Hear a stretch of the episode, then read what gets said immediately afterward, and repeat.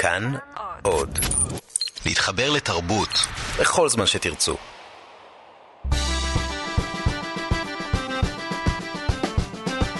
מה שקורה עם שירי לב-ארי שלום לכם מאזינות ומאזיני uh, כאן תרבות, אנחנו עם מה שקורה, תוכנית הספרות של סוף השבוע בכאן תרבות, אפשר למצוא אותנו גם בכאן אודי, את הפודקאסטים של התוכנית הזו. איתי בצוות התוכנית עומר מנחם שליט על ההפקה וכן עוז על הביצוע הטכני, ואנחנו יוצאים לדרך.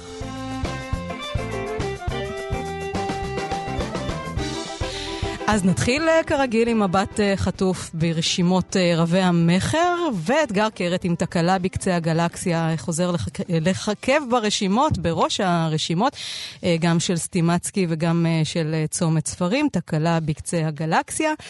עוד בסטימצקי, ג'וליה קלי, האור מעל לונדון, שלוש של דרור משעני, וכמובן החברה הגאונה של אלנה פרנטה, הראשון בסדרה של הספרים, וכנראה בעקבות הסדרה של HBO.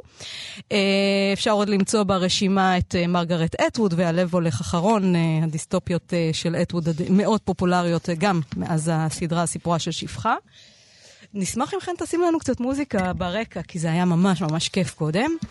וכאמור, בצומת ספרים, אמרנו אתגר קרת אה, תקלה בקצה הגלקסיה, ואחר כך אה, ניצוץ של אור של אה, ג'ודי פיקו, וגם שנת המתנות של יובל אברמוביץ'. בתחום ספרי העיון עדיין אפשר למצוא את עמוס עוז, שלום לקנאים, גם את הספר של מישל אובמה, עוד עמוס עוז אחד ממה עשוי התפוח, השיחות שלו עם שירה חדד. זה בצומת ספרים. ובסטימצקי, אה, בספרי העיון, אפשר למצוא את הספרים של אה, יובל נוח הררי, 21 מחשבות על המאה ה-21, הספר של אובמה, הספר של עוז, וגם חנה יבלונקה, ילדים אה, בסדר גמור. גם זה מאוד מעניין שנכנס לרשימת רבי המכר בתחום ספרי העיון. זאת אומרת, רשמית, האקדח הזה לא היה קיים. ההודעה, שהייתה ותיקה כמו אה, האורוות עצמן, ההוראה אמרה שהאקדח היחיד שקשור לאורוות יהיה זה שנמצא במגירה הימנית התחתונה בשולחן העבודה שבמשרד, וההסכמה הג'נטלמנית המשותפת הייתה שאף אחד מאנשי הצוות אפילו לא אה, מחזיק בבעלותו כלי נשק כלשהו מרגע שהוא מגיע לעבודה עד שהוא חוזר הביתה, ובוודאי שלא מביא איתו כלי נשק לעבודה. ובכל זאת, וג'ון הסביר לנו את זה, וזכה במלוא האהדה וההבנה של כולנו, פה אחד, חזית איתנה ומאוחדת מול העולם, ואפילו מול אבא בכבודו ובעצמו. אה, אה, אם אה, משבר בלתי סביר כזה היה מתעורר אי פעם, והוא לא היה מתעורר אילולא בון הוגנבוק, הוגנבק, כשהוא, ג'ון, סיפר לנו איך הרוויח את הכסף הדרוש לקניית האקדח מעבודות צדדיות שביצע בזמנו הפנוי, לא בשעות שבהן עזר לאביו בחווה, אלא בזמן הפרטי שלו, שהיה מיועד לאכילה או לשינה, עד שביום הולדתו ה-21 הוא הניח את המטבע האחרון ביד של אבא שלו וקיבל את האקדח. כשהוא סיפר לנו שהאקדח הוא סמל ממשי לגבריות שלו, אה, הוכחה ניצחת לכך שהוא כבר גבר בוגר, בן 21, שאין לו שום כוונה, והוא מסרב אפילו לדמיין את הנסיבות שבהן יחליט אי פעם לכוון את האקדח לעבר בן אדם וללחוץ על ההדק, ובכל זאת, האקדח חייב להיות איתו. הוא בשום אופן לא ישאיר אותו בבית כשהוא יצא משם, בדיוק כמו שהוא לא ישאיר את הגבריות שלו באיזה ארון או מגירה נידחת כשהוא הולך לעבודה. הוא הוסיף והסביר לנו, ואנחנו האמנו לו, שאם אי פעם יגיע הרגע שבו יצטרך לבחור אם להשאיר את האקדח בבית או לא להגיע לעבודה, מבחינתו תהיה רק אפשרות אחת. אז זה האקדח של, של ג'ון 0.41, קצר קנה, והוא מופיע כבר במערכה הראשונה, כמו שאומרים, בספר של וויליאם פוקנר, הבוזזים, שתרגום חדש שלו ראה אור בעברית ממש לאחרונה, תרגמה שרון פרמינגר בהוצאת פן וידיעות ספרים. שלום למולית של הוצאת פן, רחל פן. שלום, שירי. ואת uh, מקפידה בשנים האחרונות לתרגם כמעט כל ספר של פוקנר בתרגום חדש לעברית עדכנית. אה, נכון. אה, אני אקדים ואומר שאנחנו לפני זמן לא ארוך קנינו את, ה, את מלוא הזכויות לכתבי היד של פוקנר, לכתבים כולם. ולזכויות, אני מתכוונת לזכויות בעברית. והחלטנו להוציא חלק מהתרגומים הם תרגומים מחודשים, חלקם כמו אוסף הסיפורים הקצרים שהוצאנו, אה, זה חדש, לא מוכר, ובתוך המסורת הזאת אנחנו מוציאים עכשיו את הבוזזים, ויש עוד ספר אחד בעבודה שייצא בקרוב. אז הבוזזים אה, זה ספר שאולי שונה מהסגנון הידוע של פוקנר, שהוא קצת סבוך ועובר דרך תודעות של דמויות שונות, והוא גם טרגי במובן הזה שהוא מלווה את הדרום של ארצות הברית, את הגזענות, את האלימות, את העוולות. כאן יש ספר קומי, הבוזזים זה ספר ממש מצחיק.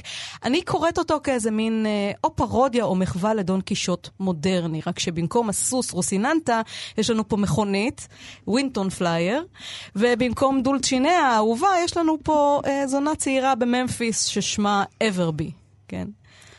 אה, זה מעניין, תפיסת העולם שלך אה, בנוגע לספר הזה היא מאוד מעניינת. אה, קודם כל זה ספר הומוריסטי. אה, אין ספק, אה, קליל בהשוואה לפוקנר. יש לזכור שהוא כתב את זה בערוב ימיו, וכמה חודשים אחרי שהספר יצא הוא הלך לעולמו. אה, הוא הוציא אותו ב-62, וזה הספר האחרון שהוא כתב, והוא קיבל עליו את הפוליצר השני.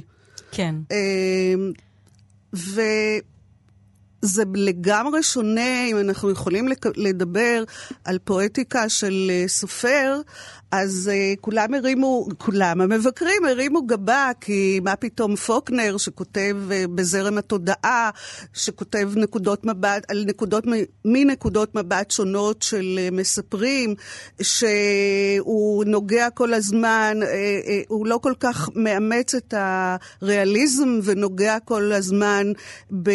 ב דברים שהם יותר פנטסטיים. פתאום הוא כותב לנו ספר שהעלילה שלו היא ליניארית, שהוא זורם.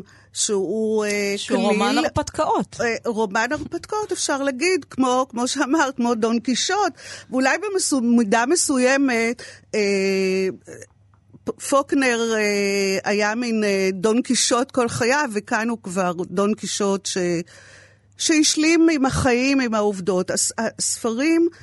הקודמים, או הרומנים הגדולים שלו, באמת עוסקים בדרום הקשה, הסבוך, הגזעני בצורה שאנחנו כמעט לא הכרנו, אה, והאכזר לפעמים. העוני המחריד, העבדות אפילו, אה, בסיפורים הקצרים שלו הוא מתייחס גם לעבדות. ו... זה מפליא לראות פתאום מין דבר שהוליווד אימצה אותו מיד ועשו ממנו סרט עם סטיב מקווין, שהיה אז כוכב על. על איזה סרט את מדברת? על הבוזזים. הבוזזים, כן. כן. אה, אבל, אבל, קודם כל אני חושבת שפוקנר מתייחס בספר הזה, כמו בספרים האחרים, לנושאים שהטרידו אותו. אה, אין הדרום, אין הבערות, אין הגזענות, אלא כשמסתכלים על זה כאן, פתאום רואים איזה, לדעתי, יש כאן איזושהי תקווה. תקווה, ולכן, כאילו, נעשה לו יותר קל והוא כותב קליל יותר. כן, זה גם ספר עם happy end, בניגוד להרבה ספרים אחרים שלו. אנחנו אולי לא נעשה ספוילר, אבל כן, כן אני רוצה לספר על עלילת הרומן, כן. רומן ההרפתקאות הזה, כן. הבוזזים. שלושה בוזזים uh, יוצאים לדרך. ילד בן 11, uh, אה, קוראים לו לושס. Uh, הוא הבן של uh, בעל החווה, כן, בעל האחוזה, כן. עם אורוות. אורוות זה בעצם כמו חברת שליחים גדולה מאוד, רק שאז היו עם uh, uh, עגלונים וסוסים. אליו מצטרף נד, שהוא גבר אה, שחור, הוא מין קרוב משפחה של לושס, כי הוא נולד אה, כתוצאה מיחסים של אחד מאבות אבותיו עם שפחה שחורה, ובון, ככה איזה מין כוכב okay. אה, אוקיי. מטאור של הרומן הזה, איש גדל קומה. מאוד ילדותי, הוא אמנם בגובה מטר uh, 93 סנטימטר, okay. שוקל uh, 110 קילו, והוא ממש ילד בטמפרמנט okay. שלו, והוא גם עובד שם בחווה. כן. וכמובן המכונית. ברגע שהסבא קונה מכונית, לא כמובן כמותרות, חס וחלילה, הוא פשוט זקוק לה, אה, בעצם הם יוצאים למסע כדי להגיע לממפיס ולפגוש את האהובה אה, של בון. האהובה של בון, אנחנו כבר רמזנו קודם, היא אברבי והיא עובדת, למרבה הצער, היא גם אישה מאוד גדולה עם שערות ארוכות, אה, מין דמות קצת ככה קריקטורית, כולם אולי אה, שחורה, כאלה, והיא שחורה, והוא רוצה, רוצה להגיע אליה. כן. והם יוצאים למסע, והילד עובר איתם, ילד בן 11 כן. עובר את החוויות שאנשים מבוגרים עוברים. כן. אה, כן, אם נחזור למה שאמרנו קודם, אה, קודם כל, אני אומרת לדעתי יש כאן בכל אופן ראייה אה, לא רק מפוקחת, אלא גם יותר אופטימית של פוקנר. כי אם אנחנו לוקחים את הדמויות, למשל נד, נד הוא לא שחור שמתעללים בו, הוא שחור עם כבוד עצמי, והוא עובד על הלבנים. הוא זה שהולך, וזה ספוילר, אבל הוא מוכר את ה... הוא לא מוכר, הוא עושה סחר חליפים, תנורת המכונית, הוא מקבל uh, סוס. כי הוא עסוק במרוצי סוסים, בהימורים. הוא, הוא בהימור, בהימורים לגמרי. אבל את צודקת שפה יחסי הכוחות הם לא ברורים לגמרי, כי נד אמנם מוצאו uh, שחור, אבל גם מוצאו מיוחס, כי הוא uh, בן של אחד מאבות אבותיו של כן, בעל החווה, כן. אז יש לו גם סמכות של דוד כזה, שאומר מה לעשות. אכן, אבל מערכות היחסים שם הם כאלה ש... זאת אומרת, המעמדות כמעט נמחקים. בכל אופן, לושס הוא בן אצולה, מה שנקרא, אצולה דרומית, ו- והוא נוסע עם השניים האלה. גם בתור ילד בן 11, והוא עצמו אומר שילדים בני 11 הם לא כל כך תמימים כמו שחושבים, אז הוא בכל אופן נגרר ויוצא למסע הזה. זאת אומרת, הוא די ידע מה מצפה לו, והוא לא, אין לו חשש מלנסוע עם בון ולנסוע עם uh, נד. ועדיין הוא, הוא הילד לושס ונד תלויים בכישורים המכניים והגופניים של רפי השכל הזה, בון. כן. הוא לא כל כך רפי שכל, הוא פשוט מאוד מאוד ילדותי. Uh, ואם אנחנו מדברים על ילדות, הרי שאנחנו מדברים כאן בעצם על uh, סיפור התבגרות, סיפור חניכה, משום שלושז אה, נוסע עם, uh, עם שני האנשים האלה לממפיס כדי, uh, לא ברור לו בדיוק מה, אבל כיבוד מפתה אותו לנסוע איתו, אבל uh, מה שעובר עליו שם, ושוב, בלי ספוילרים, מה שעובר עליו שם זה בעצם סיפור חניכה. תראי, הוא, הוא מגיע לכל... לבית זונות, והוא כן. פוגש זונות, והוא פוגש שוטרים, והוא נתקל באלימות, והוא בעצמו צריך להכניס מכות לאחד הילדים. נכון. והוא רואה הרבה דברים בארבעה ימים שהוא לא כן. לא ראה כל החיים שלו לפני כן. זה. אבל איך שבכל אופן פוקנר מכניס את זה ככה מאחור, שהילד הלבן הוא הילד התמים, שעוד לא קרה לו כלום, הוא עובר כאן איזה סיפור חניכה, והוא עצמו אומר אחר כך שכבר החיים שלי השתנו לחלוטין, לא יכולתי להיות מה שאני. אז... אני אקריא כאן קטע קטן, דווקא בתחילת הספר, על מה פוקנר חושב בעצם על ילדים, ועל היחסים בין המבוגרים וה... והילדים. וזה בהתחלה, אה, המספר אומר, מספר זה לושס. בטח כבר שמת לב כמה, זה, סליחה רגע, זה לושס בבגרותו, כשהוא סבא ומספר אה, את זה לנכד שלו, כן. את הסיפור עצמו. כן, בגוף ראשון, כן. בטח כבר שמת לב כמה בורים הם אנשים בני 30 או 40 ומעלה. אני לא מתכוון לזה שהם שכחנים. כמה נוח וקל, יותר מדי קל להגיד, אוי, אבא ואימא, או סבא וסבתא, הם פשוט זקנים, הם כבר שכחו. אבל יש דברים, עובדות חיים מוצקות, שאי אפשר לשכוח, ולא חשוב בין כמה אתה, אלא שישנה תעלה עמוקה, תהום, שבילדות חוצים אותה על קורה. אבל כשמזדחלים לשם בחזרה, בחיל ורעדה, בגיל 35 או 40, מתברר שהקורה נעלמה. אולי לא זוכרים אפילו את הקורה, אם כי לפחות לא נופלים לתוך כוח הכבידה הריק שהקורה הזאת נמתחה מעליו פעם. זה היה המצב של אבא שלי בתקופה ההיא. הם, הוא אומר את הקטע הקורה, הזה... הקורה שכבר כן, לא נמצאת שם. לא נמצאת שם. שקשה לחזור אל הרגעים האלה של בוודאי. הילדות ושל התום ושל ההבנה של העולם. כן, וברגע שהגיבור עובר את החוויה הזאת, שהוא... כי הוא, הוא, הוא פוגש את החיים ב, הוא פוגש את החיים ב... בממפיס, הוא פוגש זונות, הוא פוגש, כפי שאמרת, אה, נוכלים ו- ומעשים שהוא לא נתקל בהם קודם. ואז הוא אומר, אני כבר לא, לא אה, להיות אותו דבר. והנה יש עוד אה, קטע קטן על מבוגרים וילדים.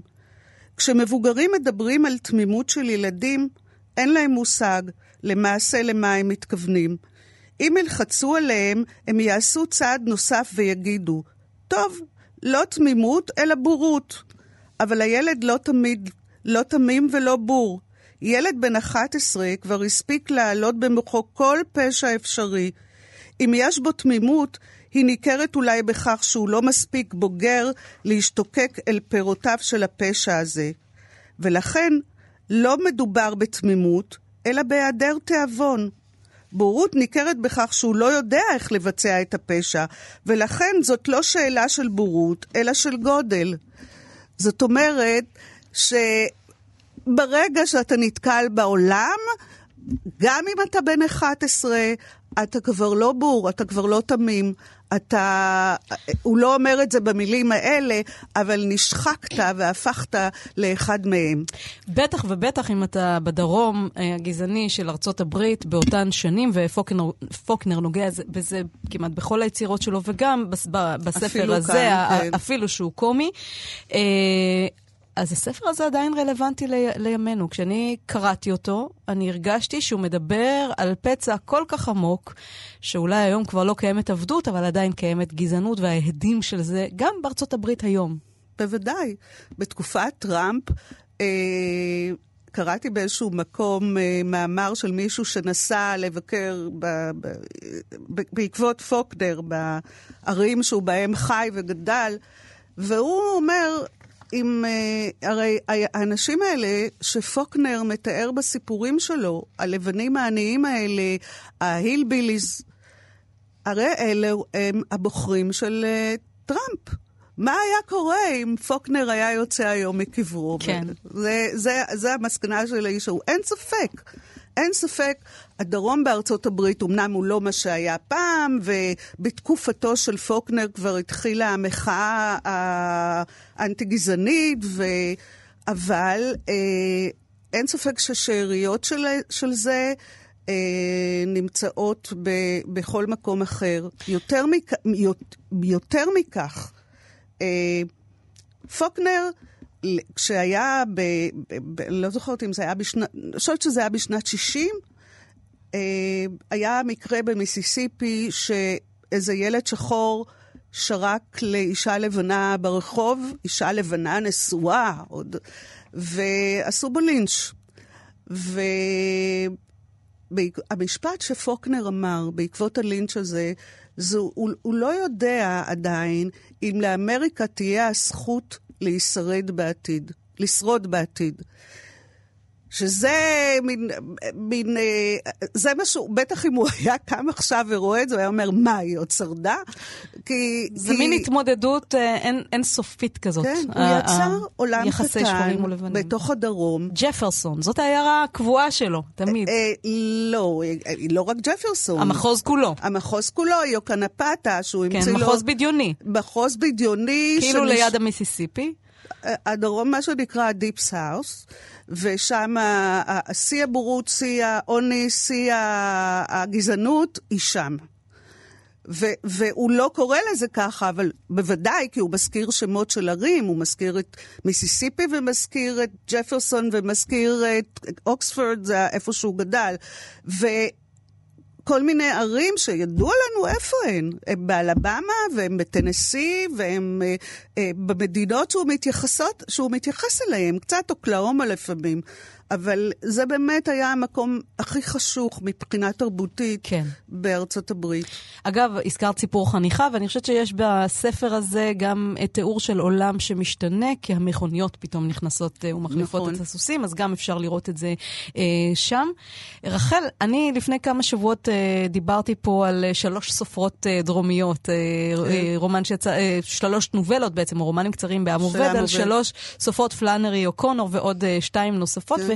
ניסיתי לחשוב למה אנחנו, הקוראים הישראלים, כל כך קשורים לדרום של ארצות הברית. האם זה הרוח החלוצית הזאת של ה...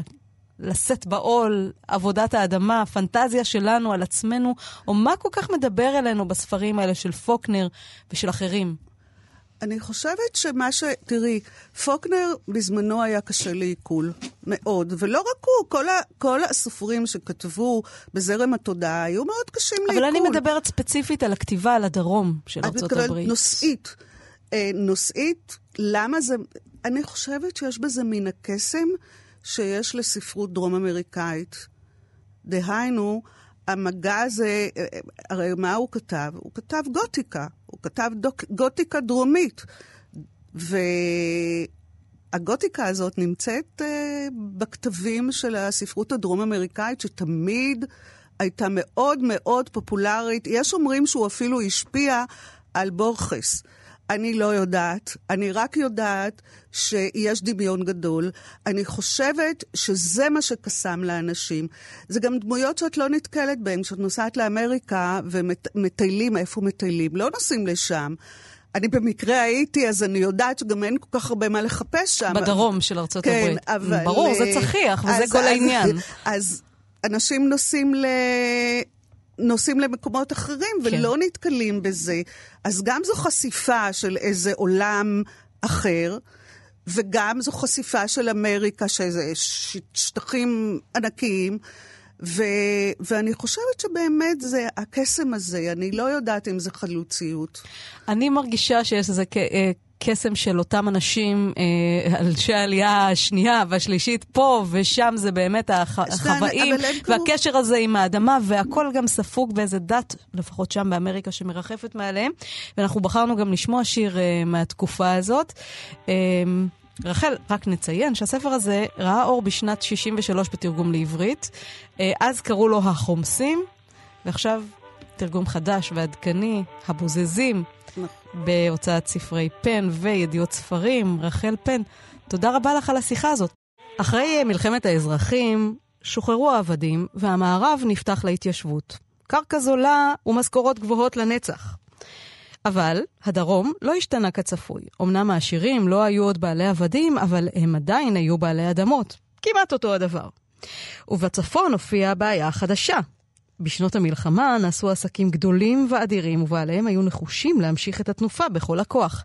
מה שאני קוראת עכשיו לא לקוח מספר של פוקנר, אלא דווקא מתוך ספר שנקרא כלכלה בקומיקס, כתב אותו האמריקאי מייקל גודווין, וזה את האיורים אה, אייר דן, דן אי בר. אה, זה היה ספר אה, רב-מכר של הניו יורק טיימס. כלכלה בקומיקס תורגם לאחרונה לעברית בידי עמנואל לוטם. אנחנו נאמר שלום לדוקטור יעל הדס, המו"לית של הוצאת שוקן, שאמרה הספר הזה אור, שהיא גם אה, מרצה לכלכלה. שלום יעל. שלום. אז אני אה, ככה קשרתי את זה לדרום, לשיחה הקודמת שלנו על פוקנר, אבל כך אה, באמת נפתח כוח הכסף, הפרק השלישי בספר הזה. בעצם גודווין מספר לנו, זה לא בדיוק מבוא לכלכלה, הספר הזה, הוא מספר זה נרטיב, זה סיפור על התפתחות הכלכלה המודרנית. האמת שזה אפילו יותר גדול מזה, זה מספר סיפור על התפתחות העולם. ובעצם מה שעניין את אה, הכותב של הספר הזה היה אה, היסטוריה. כלומר, הוא רצה בעצם ללמוד על ההיסטוריה. קצת כמו הגיע- מה שעשה יובל נוח הררי על התפתחות המין האנושי, אז ככה עושה את זה בקומיקס על הכלכלה. היסטוריה כן. של הכלכלה. אה, לא, זה ממש לא, אני לא, לא, לא מסכימה עם ההגדרה שזה היסטוריה של הכלכלה. זה היסטוריה של העולם בראייה של התהליכים הכלכליים שהניעו את ההיסטוריה. אז הוא מתחיל בעצם ב- ביד הנעלמה, כן, מהעבר כן. הרחוק ועד 1820, ולאט לאט ממשיך אה, עם הפרקים, והוא מתקדם, כן, במלוא הקיטור, אה, עידן הקיטור וכוח הכסף, והשנים של המלחמה, מלחמת העולם השנייה, ואלה שבאו אחריה, הוא מסיים ממש 2001 ואילך, כן, אחרי אה, אסון התאומים, ומה שקורה היום בעצם. כן. אז ספרי לנו קצת על התחנות האלה שבהן הוא בחר, אם לא דילג על אף אחת. אה, טוב, אני לא יכולה להתחייב שהוא אה, דילג או לא דילג, כי אני חושבת שהצורה שהוא כתב את זה הייתה אה, בעצם מתוך עניין בדברים מאוד מרכזיים שקרו במשך כמה מאות. הוא בעצם מתחיל באמת מהתקופה של אדם סמית, שזה סביבות ה-1700, והוא מגיע עד היום. והוא הולך סביב המון אירועים מרכזיים שכולנו מכירים, אה, את יודעת, כל מלחמות העולם, והמשבר הכלכלי הגדול, ומאבקים חברתיים שקרו בשנות ה-80 ובשנות ה-90 בארצות הברית. סליחה על הרעש פה, אה, אני פשוט בחוץ, אבל אה, בכל אופן, אה, ובאמת, אפשר לחשוב ש, שבעצם הוא, אני לא חושבת שיש אירוע מרכזי בהיסטוריה שכולנו מכירים, שזה ההיסטוריה המערבית בעיקר, שהוא פספס. כאשר מה שיפה בספר, שהוא, שזה משהו לדעתי משהו ייחודי, זה שהוא מסביר איך התהליכים הכלכליים בעצם גרמו לרוב הדברים שקרו. כלומר, זה לא שהכל פה זה עניינים חברתיים, סוציאליסטים או לא סוציאליסטים, כל מיני אה, הוגים שאנחנו מכירים, אלא ממש הוא מראה איך הכל מתחיל ונגמר בכלכלה. למשל, דוגמה אחת.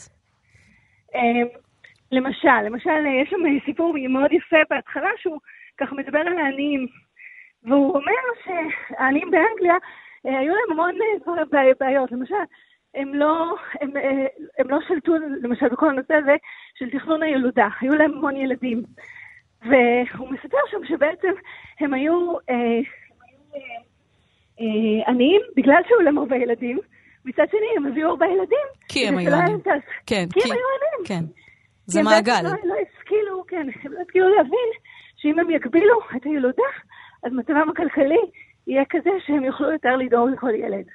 אז אה, זה למשל דוגמה שהוא מתאר אה, בספר, תשמעי, אני ממש מתנצלת, אני בכל מקום שאני הולכת יש פה המון רעש, זה קצת מטריד, אמ, אבל אה, זהו, זה למשל אז זה דוגמה. למשל דוגמה אחת לאיך הכל, איך הכל משפיע על הכל בעצם. אי אפשר, אי אפשר אה, לבודד את הרעיונות, אלא בעצם הכל מתרגם בסופו של דבר אה, לכלכלה. את חושבת שאפשר לראות את העמדה שלו בתוך ה, בין הפרקים? כי נראה שהוא כן תומך ברעיונות הקפיטליסטיים של אה, צבירת הון והשקעה. אה, הוא אומר, עשירים זה דבר טוב, כן? חברה צריכה, אה, עשירים, חברה צריכה, תרבות צריכה, תרבות הצריכה טובה לנו? לא מדויק. אני חושבת שהוא אה, מראה את הדברים החיוביים שיש באמת בקפיטליזם. הוא מתאר באמת את הסוציאליזם שבא מתוך רעיונות אה, מאוד דגולים, שיש שוויון לכולם וכולי, והוא מראה למה זה נכשל, הוא מראה למה זה בעצם לא הצליח. וזה לא הצליח בגלל, הרבה בגלל טבע האדם, שבאמת ברגע שהיה מישהו אחד אחראי שניסה לנהל את הכל, הוא גם הרבה פעמים לקחת לעצמו את כל הכוח.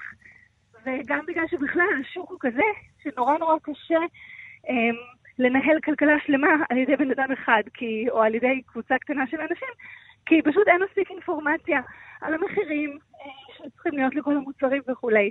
הוא כן תומך בזה מצד אחד, שהמחירים הם צריכים להיות אה, אה, חופשיים, כלומר שבאמת כן אה, ייתנו לשוק לפעול, מצד שני, הוא בהחלט מראה שיש מקומות שהממשלה חייבת להתערב, אה, שהממשלה חייבת להתערב לפעמים לטובת העובדים, אה, לפעמים לטובת באמת אה, הרבה אנשים שנפגעים למשל ממונופולים ומכוח שוק מסוים שנמצא בידי קבוצות קטנות, ולכן הראייה שלו היא מאוד מאוד רחבה.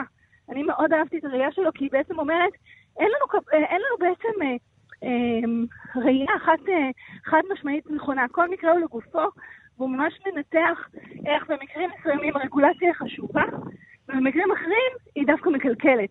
ו- ו- ולכן כשאתה קורא את הספר הזה, אתה בעצם מבין כמה הכלכלה היא מורכבת, אבל שלמרות שהיא כל כך מורכבת, אה, בהחלט אה, יש לנו את הכלים לנסות לנתח כדי לשפר את המצב, לשפר את ה... אה, מצב של הכלכלה אה, בכל אחת מהמדינות. עכשיו, הוא בחר בדרך של הקומיקס לספר את הסיפור הזה. דן איבר, כמו שאמרנו קודם, צייר את הקומיקס, הוא צייר, הוא מאייר אה, מאוד ידוע בארצות הברית, ומייקל גודווין עצמו, הוא גם חובב קומיקס והיסטוריה, ולקח אה, הרבה ספרים על כלכלה לאיזו עיירה קטנה בהודו, ושם הוא התחיל לחקור את הנושא. מה מועיל הקומיקס בעצם לסיפור הזה? אוי, הקומיקס, תשמעי, אני רוצה להגיד לך שבתור דוקטור לכלכלה שמלמדת שנים המון קורסים בכלכלה, והצורה שאנחנו מלמדים תמיד היא מאוד אה, תוך כדי שימוש במתמטיקה, ושימוש בכל מיני מושג, מושגים מאוד מופשטים, אה, שלפעמים גם קשים לסטודנטים עד שהם בעצם אה, קולטים על מה, מה הסיפור. והוא אה, בא עם הקומיקס, ובאמת בכישרון, אני חייבת להגיד לך, כישרון אדיר, הוא פשוט לקח והביא את המופשט לכדי... אה, מציאות שאנחנו מכירים, לידי דברים שאנחנו יכולים להזדהות איתם, ודברים שאנחנו אה, אה, יכולים גם ממש לפתח אמפתיה, או לא אמפתיה, תלוי בסיטואציה, ואני חושבת שהוא בעצם לקח, לקח משהו ותרגם אותו לשפה אחרת, שזו השפה של הקומיקס.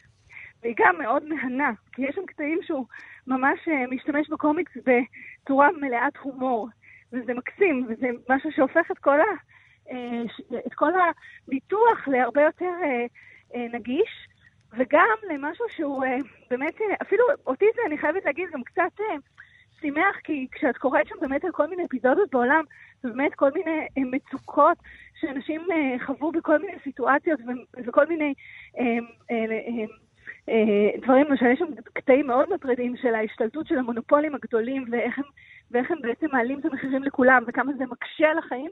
אז מצד אחד זה ככה, כשאת מבינה מה הוא, מה הוא אומר שם, אז נוצרת תמונה מאוד קשה.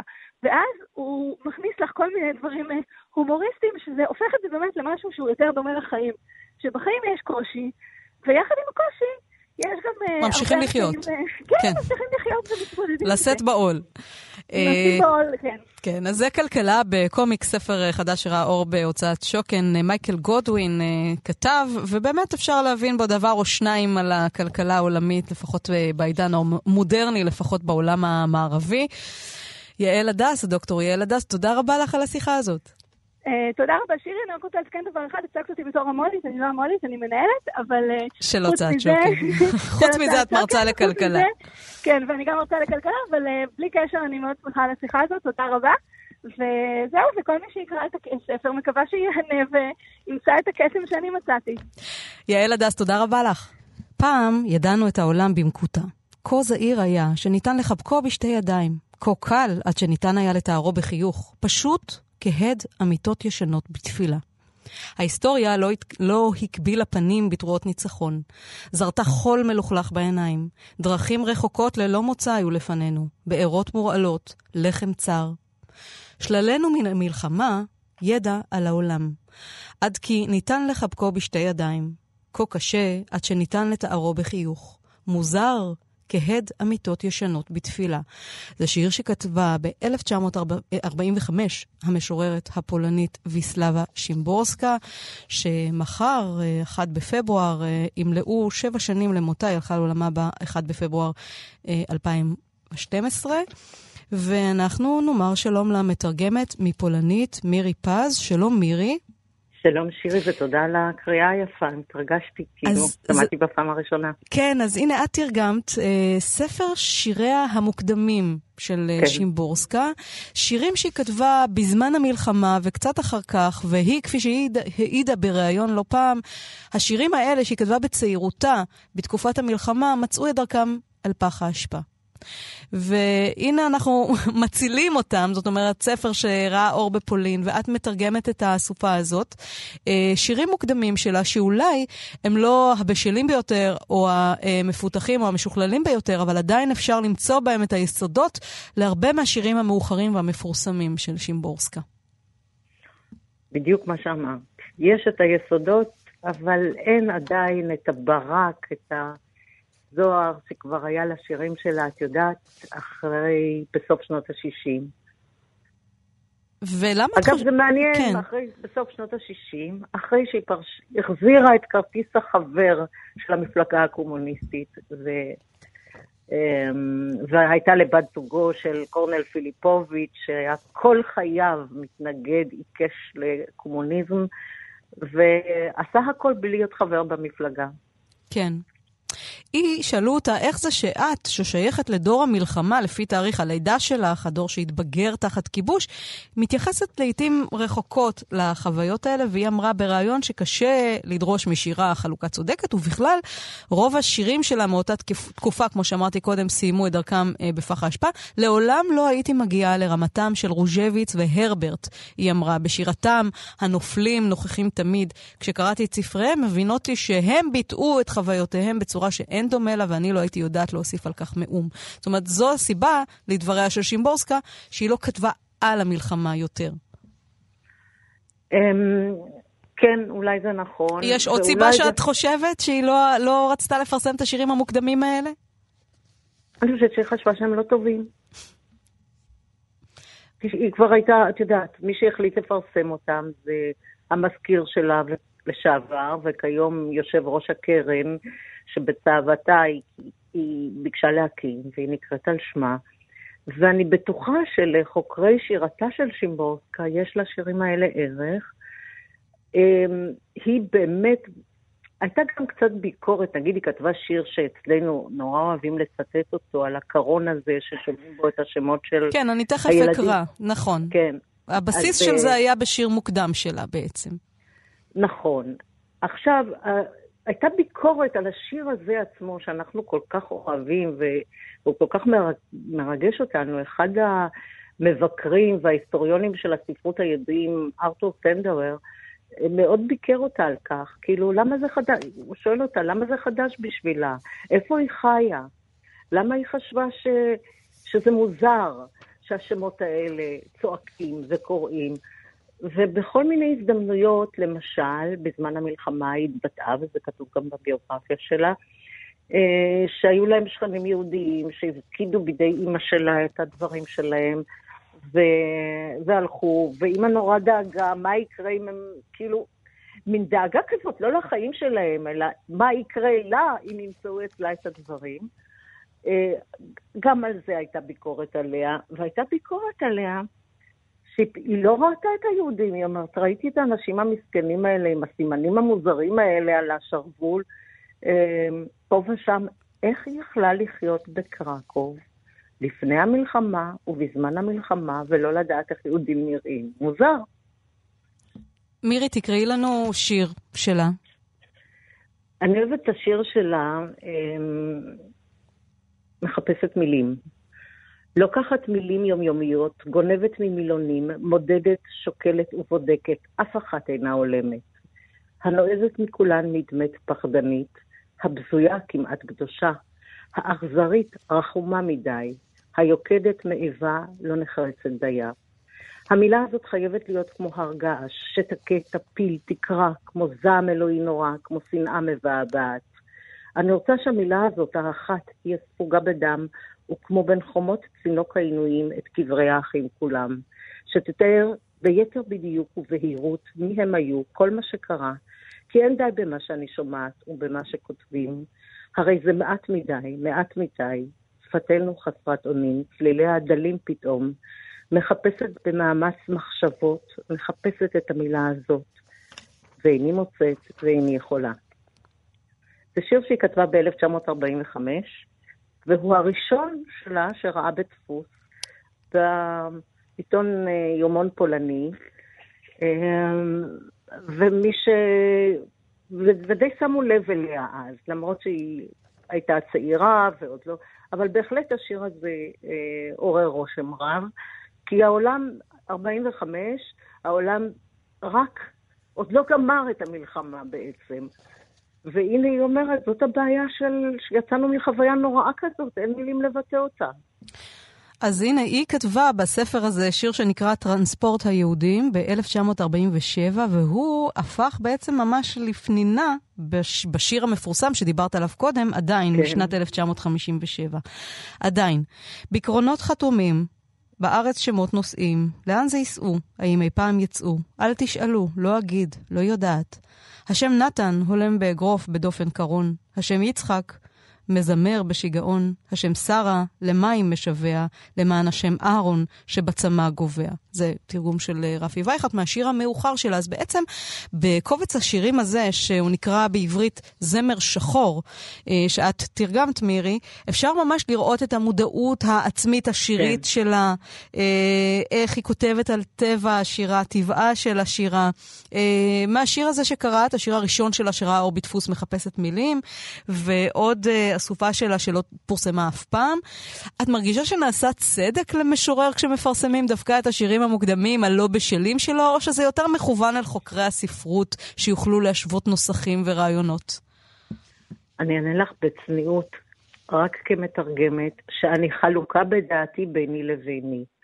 כלומר, מצד אחד באמת חשוב לתרגם כי זאת שימבורסקה ואפשר למצוא בו את העקבות.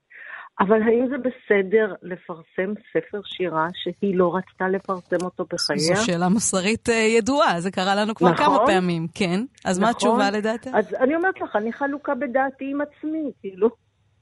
יש לי חילוקי דעות עם עצמי בדיוק על השאלה הזאת. עד כמה חשוב אה, שאנחנו נדע על זה, ועד כמה חשוב לכבד את רצונה. אני לא יודעת. אז אנחנו הרווחנו עוד כמה שירים אה, של שימבורסקה שאפשר אה, ממש לזהות בהם את השירים המפורסמים, אה, וגם בעצם להבין מה עבר עליה דרך השירים, כמובן, בשנים ההן של המלחמה ואלה שבאו אחריה. זמר שחור, אוסף שירי שימבורסקה המוקדמים בהוצאת כרמל. מירי פז, המתרגמת, תודה רבה לך. תודה רבה, שירי. להתראות. ביי. מה שקורה עם שירי לב-ארי ואנחנו עכשיו uh, לקראת uh, סיום התוכנית עם אירוע שיתקיים uh, מחר לזכר עמוס עוז, שהלך לעולמו במלאת uh, 30 למותו, קוראים במילותיו של עמוס עוז. מחר בשעה 11 וחצי בתיאטרון הקאמרי בתל אביב. את האירוע הזה ארגנה ידידתו, העיתונאית דוקטור ניבה לניר, וחברים, עמיתים ומשפחה של עמוס עוז שליוו אותו לאורך השנים. בעצם יקראו קטעים מתוך היצירות הספרות אה, והספרים. ובין המשתתפים באירוע הזה, ראש עיריית תל אביב, רון חולדאי, חיים אורון, חיים באר, אה, דוד גרוסמן, א' ב' יהושע, אילנה דיין, אליאס חורי, אשכול נבו ועוד רבים אחרים, וגם, וגם, אריה גולן שלנו, איש כאן ב', שלום אריה. אתה איתנו על הקו? או אנחנו מחכים לאריה גולן שיספר לנו אה, מה הוא הולך לקרוא מחר. אני יודעת את התשובה, אז אנחנו נחכה לו שהוא יהיה איתנו על הקו. עוד רגע. אז הנה, אריה גולן חזר אלינו. שלום, אריה. שלום וברכה. מחר אתה תשתתף באירוע קוראים במילותיו של עמוס עוז. מה, מתוך מה אתה בחרת לקרוא? אני בחרתי לקרוא מחר מתוך הספר של עמוס עוז, ששמו הבשורה על פי יהודה. אני חושב הספר האחרון אה, שהוא כתב בחייו, לצערי. נכון. למה אתה אוהב את הספר הזה? יש בו מסר, אני קראתי לזה הבשורה על פי עמוס עוז. המסר אומר שלא תמיד מי שמכנים אותו בוגד וקוראים לו בוגד ומאשימים אותו שהוא בוגד, הוא באמת בוגד. לפעמים מדובר באדם שמביא דעות אחרות, עמדות שונות, נאמר, מהזרם המרכזי, ואלה שפוחדים לשנות את המציאות, פוחדים ללכת על משהו חדש, קוראים לו בוגד כי זה מאוד לא נוח להם. אה, לשמוע את מה שהוא מציע. אתה יודע, עמוס עוז דווקא הוא אדם שדבק בדרך שלו, הוא דיבר על אותו פתרון מדינות לשני, אה, שתי מדינות לשני עמים, והוא אמר את אותם דברים לאורך כל השנים, הוא לא זיגזג. נכון, והוא רוצה לומר בעצם, אני לא בוגד, אני מציע משהו אחר, תקשיבו לי, אולי אני צודק. אה, וזה המסר, ומכיוון שאני חושב שזה המסר של הספר, אני אקרא מחר בתיאטרון הקאמרי בשעה 12 את הקטע הזה, קטע אחד מתוך ה... לא את הקטע שנקרא עכשיו, קטע אחר, אבל עם אותו מסר מהספר הזה של עמוס עוז. אז בוא נשמע, נשמע אותך קורא מתוך הבשורה על פי יהודה. הם קראו לו בוגד, אמר ולד. הם קראו לו בוגד מפני שהתרועע כל הימים עם ערבים. הוא היה נוסע עליהם לקטמון ולשייח' ג'ראח ולרמאללה ולבית לחם ולבית ג'אלה. הוא היה מארח אותם לעיתים קרובות כאן, בביתו. כל מיני עיתונאים ערבים היו באים הנה, עסקני ציבור, ראשי ארגונים, מורים. קראו לו בוגד גם מפני שבשנת 47' ואפילו בשנת 48' בעיצומם של קרבות מלחמת העצמאות, הוא המשיך לטעון שההחלטה להקים מדינת יהודים היא שגיאה טרגית. מוטב, כך היה אומר, שבמקום המנדט הבריטי המתפורר, יבוא מנדט בינלאומי או משטר זמני של נאמנות אמריקנית. קרוב לוודאי אמר שמאה אלף עקורי שואה ממחנות המעבר הפזורים באירופה יורשו לעלות לארץ. אפילו האמריקנים תומכים בעלייה חד פעמית כזאת, והיישוב היהודי יגדל מ-650 אלף לשלושת רבעי המיליון. בכך תיפתר מצוקתם הדחופה של היהודים העקורים. אחר כך מוטב שנעצר קצת. נניח לערבים לעכל בהדרגה במרוצת עשר או עשרים שנה את עובדת נוכחותנו בארץ. בינתיים אולי תשתרר רגיעה בתנאי שאנחנו נחדל לנפנף בתביעה למדינה עברית. עיקר ההתנגדות הערבית, כך טען אברבנאל, אינה מכוונת אל המפעל הציוני הקיים, שעיקרו קומץ ערים קטנות וכמה עשרות כפרים לאורך שפלת החוף. כי התנגדותם נובעת מן החרדה מפני כוחם המצטבר של היהודים ומפני כוונותיהם מרחיקות הלכת. בעקבות שנים ארוכות של שיחות עם ידידיו הערבים בארץ ובמדינות השכנות, הוא הגיע למסקנה שהערבים פוחדים בעיקר מפני מה שמצטייר בעיניהם כעליונותם של היהודים, בהשכלה, בטכנולוגיה, בעורמה ובמוטיבציה. עליונות שתביא אותם בסופו של דבר להתפשט ולהשתלט על כל המרחב הערבי. הם חרדים, כך טען תמיד, לא כל כך מפני, ש... מפני העובר הציוני הקטן, אלא מפני הענק הדורסני המקופל בו. איזה ענק, אמר שמואל בקול נמוך. הלוא זאת ממש בדיחה. הלוא אנחנו בקרבם לא יותר מאשר טיפה בים. לא כך רואים זאת הערבים, לפי דברי אברבנאל. הערבים אינם מאמינים אף לרגע במתק השפתיים הציוני, כביכול קומץ יהודים באו הנה למצוא פה לא יותר מאשר פינת מפלט זעירה כפיסת יד מפני רודפיהם שבאירופה. וכולי וכולי. זה הקטע. הבשורה על פי עמוסו זה ממש, יש פה מתכונות, מתכון בעצם, כן, לכינון כן, כן, כן. יחסים, מה שהוא תמיד אמר. כן, כן, זה אברבנאל, אחד הגיבורים פה אה, בספר הזה, הבשורה על פי יהודה. כונה בוגד והחרימו אותו וסילקו אותו מכל התפקידים שלו, היה בסוכנות היהודית. בקיצור, זה הסיפור. אז אה, רומן אה, רעיונות אה, מעניין מאוד, זה טוב, טוב שהניח אותו אחריו. אריה, מה היה הטקסט הראשון של עמוס עוז שקראת? איך היה המפגש הראשון שלך עם הספרים שלו? או, זה היה לפני כל כך הרבה שנים, אני כבר לא יכול... אולי הר העצה הרעה, אולי מיכאל שלי, אני כבר ממש לא זוכר, אני קראתי את הספרים שלו בזה אחר זה, לא את כולם קראתי, אני עוד אקרא, אבל כל ספר שקראתי נהניתי למרות שאני יודע שיש מבקרים שטוענים שהיו לו ספרים טובים יותר וטובים פחות, זה גם הגיוני, אבל אני מאוד אהבתי אותו, אהבתי אותו גם כאדם. הוא היה איש חכם, אה, היה נעים מאוד לשוחח איתו, זכיתי לשבת במחיצתו פה ושם אצל חברתנו המשותפת ניבה לניר, אני, היינו שם כמה זוגות, אני עם רעייתי ועמוס עוז ונילי. אה, וניבה בבעלה, ועוד כמה חברים, והיינו יושבים, האיש, הוא, גם ידע להקשיב. את יודעת, יש אנשים שכשהם כבר סופרים חשובים, או פוליטיקאים חשובים, או אני לא יודע מה, הם רק מדברים והקהל צריך לשמוע. עמוס ידע גם להקשיב. זו הייתה תכונה נפלאה שלו. וגם היה לו חוש הומור נהדר. היה לו חבר שפעם היה שר החוץ של בריטניה, למשל, דיוויד אוהן. והוא אה, עכשיו היה שר חוץ צעיר, אחר כך הוא ירד מהפוליטיקה והפך לחבר בבית הלורדים. אז עמוס סיפר לנו שהוא שאל אותו באחת השיחות, תגידי, בשביל מה אתה צריך להיות חבר בבית הלורדים? אז דיוויד אורן אמר, אתה יודע מה זה שיש לך חנייה חינם בלב לונדון? שווה הכל. כן. אז... רק אה, אחד מהקטעים האלה. היה איש יקר ואני מתגעגע אליו. כן, אבל אתה יודע, כמו שהוא אמר וגם כתב, המתים אה, חוזרים אלינו לפעמים, ואנחנו פותחים, אה, פותחים להם את הדלת ושותים איתם קפה וקצת מדברים איתם, אז אני חושבת שהשיחה איתו תמיד נמשכת. יפה. בדרך זו או אחרת. יפה, כך נזכור אותו. תודה. אריה גולן, תודה רבה לך. להתראות. להתראות, וזה לקראת מחר, קוראים במילותיו של עמוס עוז, אה, טקס לזכרו במלאת 30 למותו של אה, עמוס עוז אה, בתיאטרון הקאמרי בתל אביב. אנחנו עם שיר שעמוס אהב נסיים את התוכנית הזו, את מה שקורה. היום אנחנו דיברנו על כלכלה בקומיקס, על ספר של פוקנר, הבוזזים, על אסופת שירים של ויסלבה שימבורסקה, זמר שחור, וכמובן, וכמובן על עמוס עוז. בשורה על פי עמוס עוז. תודה רבה לעומר מנחם שליט, תודה לחן עוז, כאן באולפן שירי לב-ארי. שבת שלום.